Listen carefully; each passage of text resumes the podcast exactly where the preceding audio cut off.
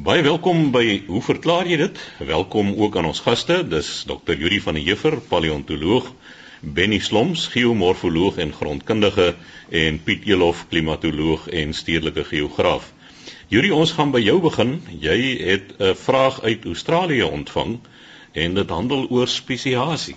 Ja, inderdaad, 'n brief uit Australië van Chris Skols uit Sydney en hy het reeds al 'n geruime tyd die brief gestuur waarvan ons die eerste vraag in die brief reeds probeer beantwoord het en toe beloof het dat ons in 'n tweede program na sy verdere vraag sou kyk want hy het nou gepraat onder andere van Tyrannosaurus rex wat die voorvader van die volstruis is en die saak dink ek het ons nou deurgetrap. Sy verdere vraag lei dan ook oor die kwessie van die ontstaan van voëls en spesiasie en hy sê My volgende vraag is miskien 'n mistasting van my verstaan van evolusie. Hoekom sal 'n klomp diere op een slag na 'n sekere rigting beweeg? Ek sal verstaan as een spesies 'n nis sien en dit uitbuit, maar as 'n klomp dit op dieselfde tyd doen, dan is die nis mos nie meer so aantreklik nie. So hoekom sou verskeie dinosourusse voels geword het en nie net een spesies wat dan weer vertak in die verskillende rigtings nie? Ek dink Chris, jy het in elk geval die basis van die antwoord het jy reeds hier in jou brief, dis maar net dat ons moet gesels oor die terme en dit 'n bietjie opklaar. En uh, wanneer ons nou praat van 'n spesies, ek gebruik graag die meervoud is vir 'n spesies want die oorspronklike Latyn het verwys nie na een enkele dier nie, maar 'n spesies is populasies of baie diere. Die menslike spesies vandag is omtrent 7 miljard lede maar eh, laat dit nou maar daar. Wanneer ons praat van 'n spesies, dan bestaan so 'n spesies uit 'n hele klomp populasies. En dit kan 'n mens nou in verskeie diersoorte sien. Jy het dikwels suidelike en noordelike populasies en jy het populasies waar daar oorgang is tussen spesies. En die idee wat jy het dat 'n klomp diere op een slag 'n uh, mutasie, 'n verandering ondergaan en dan verander is nie heeltemal korrek nie want my goeie vriend Terry Robinson die uh, genetikus het dit nou weer beamoen dat enige verandering wat plaasvind en dan 'n invloed het op die organismes wat dit weer verder kan laat verander hoef net te begin as 'n enkele mutasie in 'n enkele dier. Het sy 'n mannetjie of 'n wyfie en dan as ons nou praat van van diere wat uh, geslagtelik voortplant, het jy dan 'n vermenging van daai twee se genome en gevolglik word die verandering dan geïnkorporeer in die nageslag. So mense het nie nodig dat 'n klomp diere op 'n gegeewe tyd almal verander nie. En dan miskien het ek dit nie mooi verduidelik nie, maar die veranderings wat plaasgevind van dinosourus na voëls toe het eintlik te doen met 'n soort van hiërargiese verandering. So die veranderde fossiele wat ons vandag opgrawe kom almal uit verskillende geologiese lae. Met ander woorde, hulle het nie almal in dieselfde tydvak geleef nie. So jy het veranderings wat dan oor tyd plaasvind. En die feit dat 'n enkele verandering 'n invloed kan hê, sal ek graag eers 'n storieetjie wil vertel. Ek hou daarvan om in beelde na goed te kyk. Ek verstaan dit dan beter ons visuele geheue is is baie sterk so ek hoop jy sal my vergewe as ek nou hier so 'n voorbeeld gebruik onder mense wat nou tegnies is maar 'n mens kan seker goed daarvan toepas op genetiese veranderings ook nou van ons ouer luisteraars sal miskien onthou dat ons hier in die 50er jare van die vorige eeu en miskien selfs nog die vroeë 60er jare so 'n dingetjie gekry het wat 'n mens op die masjienkap van jou motor kon monteer om die insekte weg te hou van jou vooruit af. Nou hierdie goed het baie snaaks gelyk. Dit was plastiek, dit was deursigtige plastiek en nie wat ek gesien het was in die vorm van so 'n groot skoenlapper met oopgespreide vlerke. En jy het sulke liggroenes gekry en ligpinkes. Dan plaas jy dit op die neus op die masjienkap van jou motor en wanneer jy dan met spoed ry, kloof dit die lug en dit veroorsaak dan twee strome lug wat verby jou vooruit vloei Hoopelik dan as daar insekte in die lug is word hulle saamgesleer en beland nie op jou vooruit nie. Nou hierdie goed het snaaks gelyk, maar dit het niks aan die motor verander, die werkverrigting van die motor verander nie. So as mense nou hierdie klein veranderingkies sien wat jy self in die motor aangebring het, kan dit miskien nog dien as 'n soort van 'n model van 'n klein mutasie in die natuur. Wanneer sou so 'n ding dan effektief raak? Gestel nou maar jy het so 'n ding op jou motor en jy's op pad na jou toekomstige vrou toe. Die aand daar in die platland die skemer aan die insekte vlieg en daar's dalk 'n uitbarsting van 'n motte of insekte so sprinkane die soort van goed maar jy het kompetisie daar's 'n ander ou in die dorp wat ook na die plaas toe wil ry. Hy wil ook by dieselfde vrou gaan kuier. Maar jy het nou hierdie skoenlapper op jou motor se masjienkap en dan ry jy in hierdie wolk insekte in wat jou sig belemmer, maar jou klein veranderingkie wat jy aangebring het aan die motor, die help dus om jou vooruit skoon te hou en jy kom eers by die plaas aan reg om nou te onderhandel met die dame terwyl jou mededinger langs die pad sit met 'n lap en hy probeer insekte van sy vooruit af vee. Gevolglik, gestel jy trou met die dame en julle het kinders, dan leef jou gene voort met daardie spesifieke vrou en enige veranderings wat jy dan kan teweegbring, die word voortgeplant. So hierdie klein amper niks seggende veranderingkie het jou op 'n sekere stadium in sekere toestande tot voordeel gestrek. Nou ons het so 'n voorbeeld in die natuur, daar's navorsers wat op die Solomon eilande daar's omtrent 1000 van hulle in hierdie Solomon eilande lê oos van uh, Nieu-Guinea, miskien so 1500 km noordoos van Australië. En op hierdie eilande kry mense 'n sekere soort voeltjie wat bekend staan as die vleevanger of die monargvleevanger, maar 'n beter beskrywende naam is die wetenskaplike naam daarvoor en die is Monarcha castaniventris castaniventris. Nou casta beteken kastanje, bruin en ventris is die onderkant, so die die voeltjie het swart en dit is so rossige, so roesbruin, kastanjebruin bors en pens. En by voëls is kleure baie belangrik. Wat die navorsers ook gevind is, is dat daar 'n subspesies is, hierdie ene van die voeltjies wat pikswart is. En hulle het dit nou uitgevind in 2009 dat dit te wyte is aan 'n verandering wat in een geen plaasgevind het. Dis een aminosuur wat verplaas is in daai volgorde en die roesbruin borsie en pens kom nou nie meer by die diertjies voor nie. So hulle weet hierdie klein genetiese veranderingkie is daarvoor verantwoordelik. Wat hulle toe gedoen het is om van die swart voeltjies op te stop en dan gaan sit hulle dit in die territorium van een van die voeltjies wat nou nog so roesbruin pens het. En die mannetjies ignoreer die swart mannetjies heeltemal want hulle erken dit nie as 'n mededinger nie. Maar as jy een met 'n bruin pensie en bors opstop en jy gaan sit dit in die territorium van 'n soortgelyke mannetjie dan raak hy heeltemal betotteld en hy begin beklei en raas want hier erken hy nou kompetisie. So wat hulle dus hier sien geneties gesproke is die ontstaan van nuwe spesies deur net een klein veranderingkie in een groepie voëls wat op een eilandjie bly. So die argument wat jy voer dink ek is grootliks reg maar die veranderings wat plaasvind is klein veranderingkies in 'n uh, klein hoeveelheid diere wat dan voortgeplant word en die belangrike ding hier is met hierdie veranderings is dat ons die term moet gebruik van fisiologiese kontinuïteit. Dit help nie 'n dier ondergaan 'n verandering wat hom onvrugbaar maak nie want dan gaan hy nie nageslag hê nie. So die veranderingkies moet klein genoeg wees sodat die dier kan voortbestaan en nog voortplant. En daarom kan ons dus terugkyk in die genetiese geskiedenis en sien hoe voëls uit dinosourus ontwikkel het. En uh miskien 'n ander voorbeeld as ons nou hou van klassieke musiek en mense is beïndruk byvoorbeeld deur een van Puccini se operas Madama Butterfly waar die meisie Chuchu San haar pragtige liefdesaria sing en dit wek allerhande uh, gevoelens by 'n mens op en waardering. Maar as jy nou nie daarvan geweet het nie en jy gaan nou na 'n vertoning van ons eie kletsrymer Jack Parow hier in die Kaap en uh, hy sing of kletsrym een van uh, sy liedjies. Byvoorbeeld jy dink jy's cool soos ek, dan kan 'n mens dit waarskynlik nie dadelik herken as musiek nie. Maar as jy sou die geskiedenis van die musiek navolg van al die veranderinge wat plaasgevind het en die omgewing waarin die musiek geproduseer word. 30 jaar gelede sou Jack Parow dink ek nie 'n veel van 'n aanhang onder Afrikaners gehad het nie want die tydgees was anders, die musiekomgewing was anders. Nou het dinge tot so 'n mate verander dat hierdie spesifieke, kom ons noem dit 'n mutasie van die musiek wat hy vandag produseer is aanvaarbaar en dit oorleef en daar sal waarskynlik ander mense wees wat hom dan naap en ook so sing. So ek hoop dit het miskien 'n bietjie helderheid gebring oor hierdie storie dat ons van verandering oor tyd praat. Dis 'n hiërargiese instelling. Dit hoef net klein veranderingkies te wees wat dan voortgeplant word in die nageslag en so kry mense dan hierdie reekse veranderings.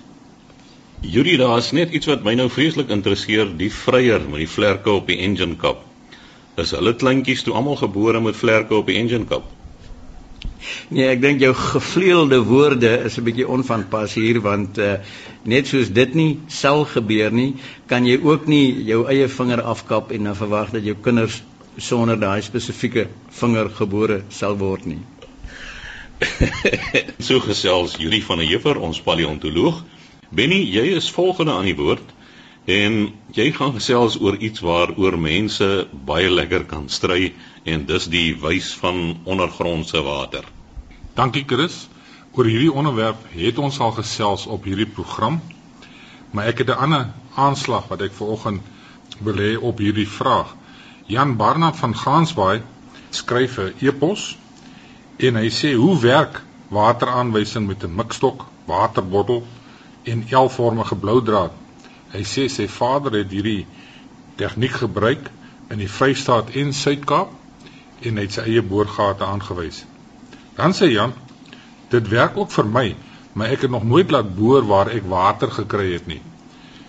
Goed, en dan sê hy hy het hom alself getoets by bestaande boorgate waar daar water is en hy kon selfs die rigting van die aar bepaal met behulp van hierdie drie tegnieke wat ek genoem het. En dan vra hy die laaste sin, sal dit by enige persoon wat die regte gesindheid het, werk of nie? Nou Jan, my standpunt oor hierdie waterwysery is baie duidelik. Ek het al by vorige programme genoem. Dit is natuurlik nonsens. Daar bestaan nie so iets nie. Daar's geen manier hoe mens met behulp van 'n stuk blou draad, 'n waterbottel of 'n mikstok water kan wys wat ondergronds is nie. Om dit te illustreer, wil ek net vir oggend 'n bietjie stil staan by verskillende tipes van ondergrondse water wat 'n mens kry. Nou die eerste een is ondergrondse water in diep sandafsettings. Ons noem dit 'n akwifer. Goeie voorbeelde hiervan is die Kaapse vlakte net buitekant Kaapstad, daar in die Filippie omgewing waar ek groot geword het. Die Atlantis omgewing en dan natuurlik die sandveld waar aardappels verbou word. Nou Jan, hierdie akwifers is diep sandafsettings en in die sand het ons water, 'n permanente watertafel wat gedurende die wintermaande styg soos water toegevoeg word en die water kan self styg tot aan die oppervlakte, dan kry jy die ontstaan van vleye wat tipies is in die Kaapse vlakte. Nou gedurende die droë somermaande dan gebruik die groenteboere hierdie water, oop gate wat hulle grawe om uit te pomp en dan sak die water weer. So indien jy daar sou stap met een van hierdie drie instrumente, stap jy letterlik op 'n groot dam water. Nou my vraag is, hoe die drommel kan jy 'n aar raak identifiseer indien jy bo op 'n dam water stap? En ek weet die Kaapse vlakte boere wat dalk ver oggend na my luister, Ek weet daar was groot waterwysers onder hulle gewees. 'n Tweede vorm van ondergrondse water is die wat 'n mens kry in dolomiet landskappe. Soos byvoorbeeld in die noorde van Namibië, in die Gauteng area en natuurlik ook daar in Wes-Transvaal. So ons het groot areas dolomiet.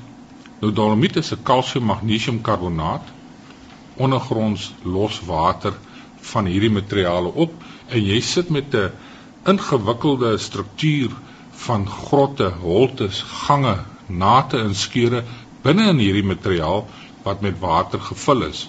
So daar sit jy ook met ontsettend baie water ondergronds.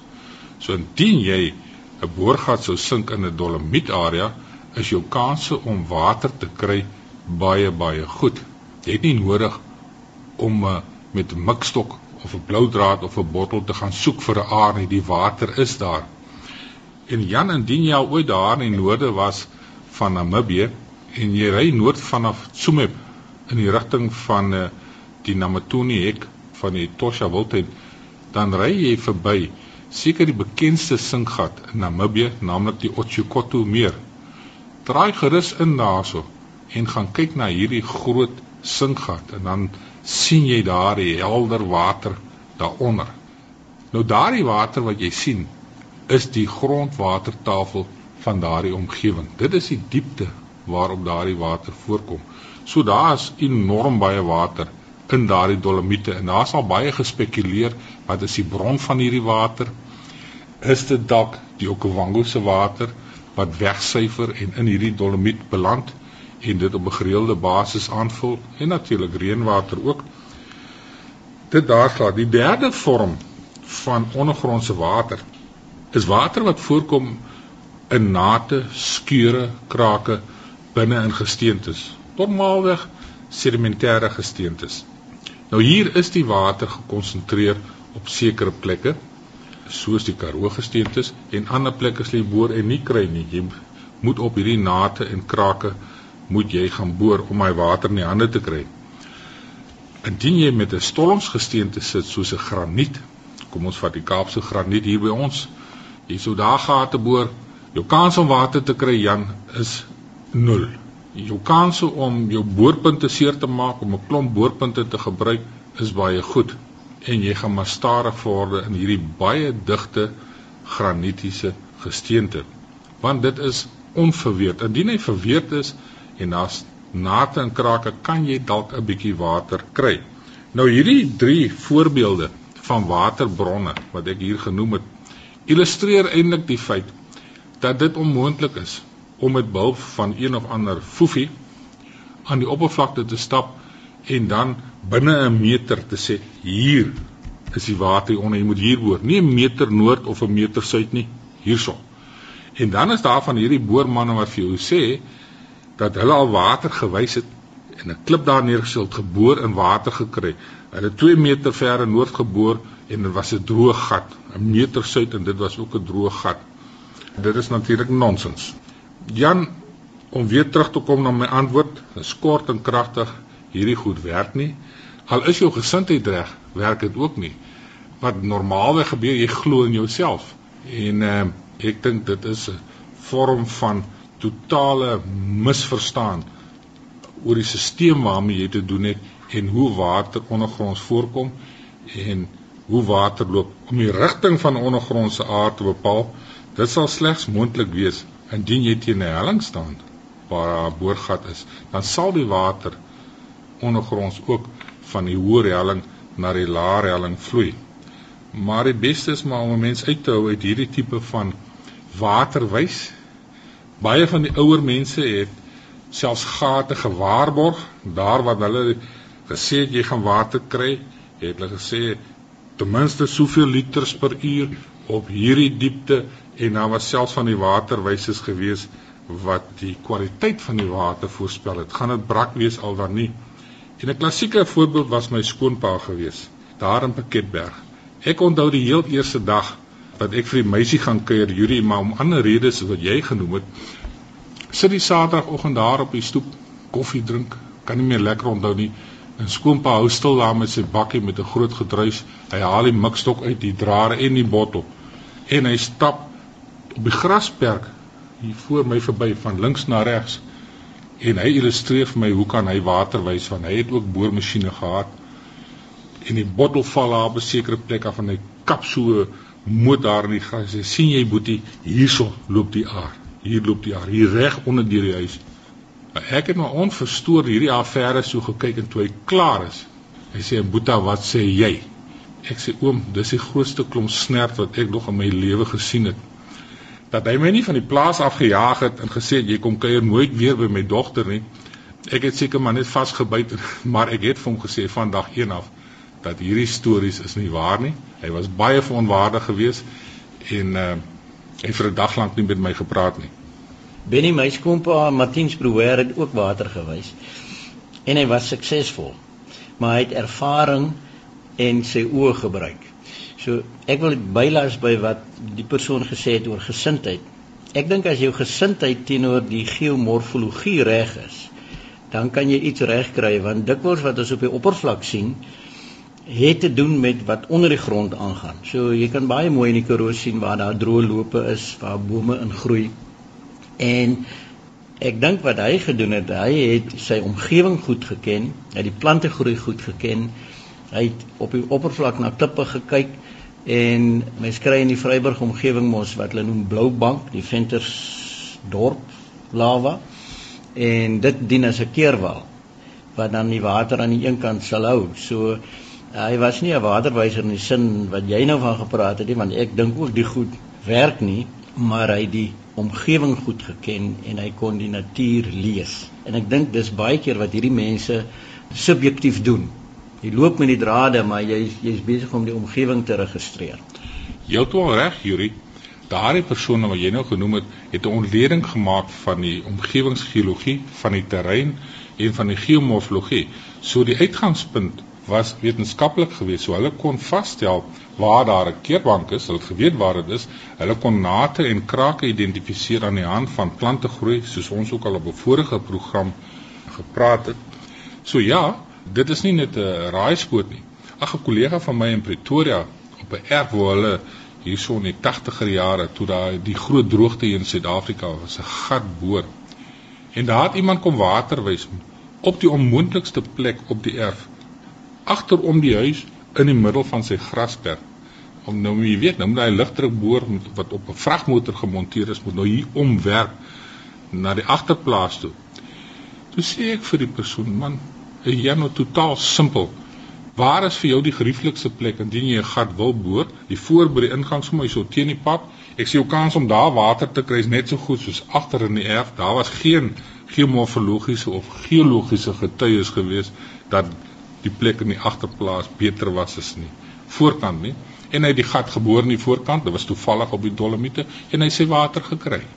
Binne die aanleiding van wat jy gesê het rondom plante groei wat 'n mens kan gebruik as aanduiding van moontlike water uh, jy weet ons ervaar dat ook as ons byvoorbeeld in die Karoo hierdie voorsit springbok skiete het en jy word uitgeplaas op 'n spesifieke punt. En rondom jou is die bossies nie meer as 40 of 50 cm hoog nie en jy moet daar in 'n sogenaamde skietstoel sit soos 'n seer duim steek jy uit dan plaas die boer jou gewoonlik in so 'n lang streep bossies wat 'n bietjie hoër is. En dan sê hy vir jou man hier loop 'n naad area onder dis hoekom hierdie plante groei langer is en dit gee dan vir jou 'n bietjie meer dekking op die voorsitslag van die springbokke maar iets wat my wat my ook opval baie keer is dat langs die pad ry ek en dan staan 'n windpomp bo op 'n koppie. Heel bo staan die windpomp. Dan word daar's 'n boorgat gesing daar en ek wil mos nou hê die windpomp moet eerder onder in die vlak staan dat die water van bo af dreineer onder toe en hierdie windpomp staan nou heel bo op die koppie. Hoe werk dit? Die enigste verklaring wat ek het Piet is dat daar is meer wind daar bo by koppie is onder in die vlakte so die windpomp kan beter werk. En die aard van die saak sal jy daar 'n bietjie dieper moet boor om op dieselfde diepte uit te kom waar die ondergrondse water is. So dis al my groot koppie, dis klein koppies, maar uh, ek dink die die die windblootstelling is net soveel beter daar. Piet Elof, jy het 'n vraag ontvang oor die maan en die son wat by opkoms groter is as wat dit later in die dag of die nag is. Ja, Marlene Brouwer van Boesmansrivier Mond vra die vraag: Hoekom lyk die son en die maan groter by sonsopkoms en maanopkoms as in die middel van die dag of of nag? Nou uh Marlene net so 'n paar feite hierom. Ek dink die eerste ding wat ons moet in gedagte hou is dat die son en die maan dan tydens son onder of opkoms of maan onder en opkoms net so ver van die aarde is as wat hy in die middag is. So dit gaan nie hier oor hy's nader as hy op die horison sit of nie. Dit dit is die eerste belangrike ding dink ek wat wat ons vir mekaar moet sê. Ons neem ook waar dat die die son en selfs die maan wanneer hulle so opkom en so groot lyk rooi of oranje vertoon. Dit is omdat die atmosfeer waardeur daardie ligstrale moet beweeg dan baie dikker is as hy laag op die of naby die horison is. Dan oor al die blou en groen en pers golflengtes van die kleurspektrum, die is eintlik dan al klaar weggestrooi as ek dit so kan sê. En wat by ons uitkom is dan die oranje of die rooi golflengtes en daarom vertoon hy dan oranje of rooi. Dit is dan daai ligstrale wat ook eintlik direk na ons toe uitgestraal word.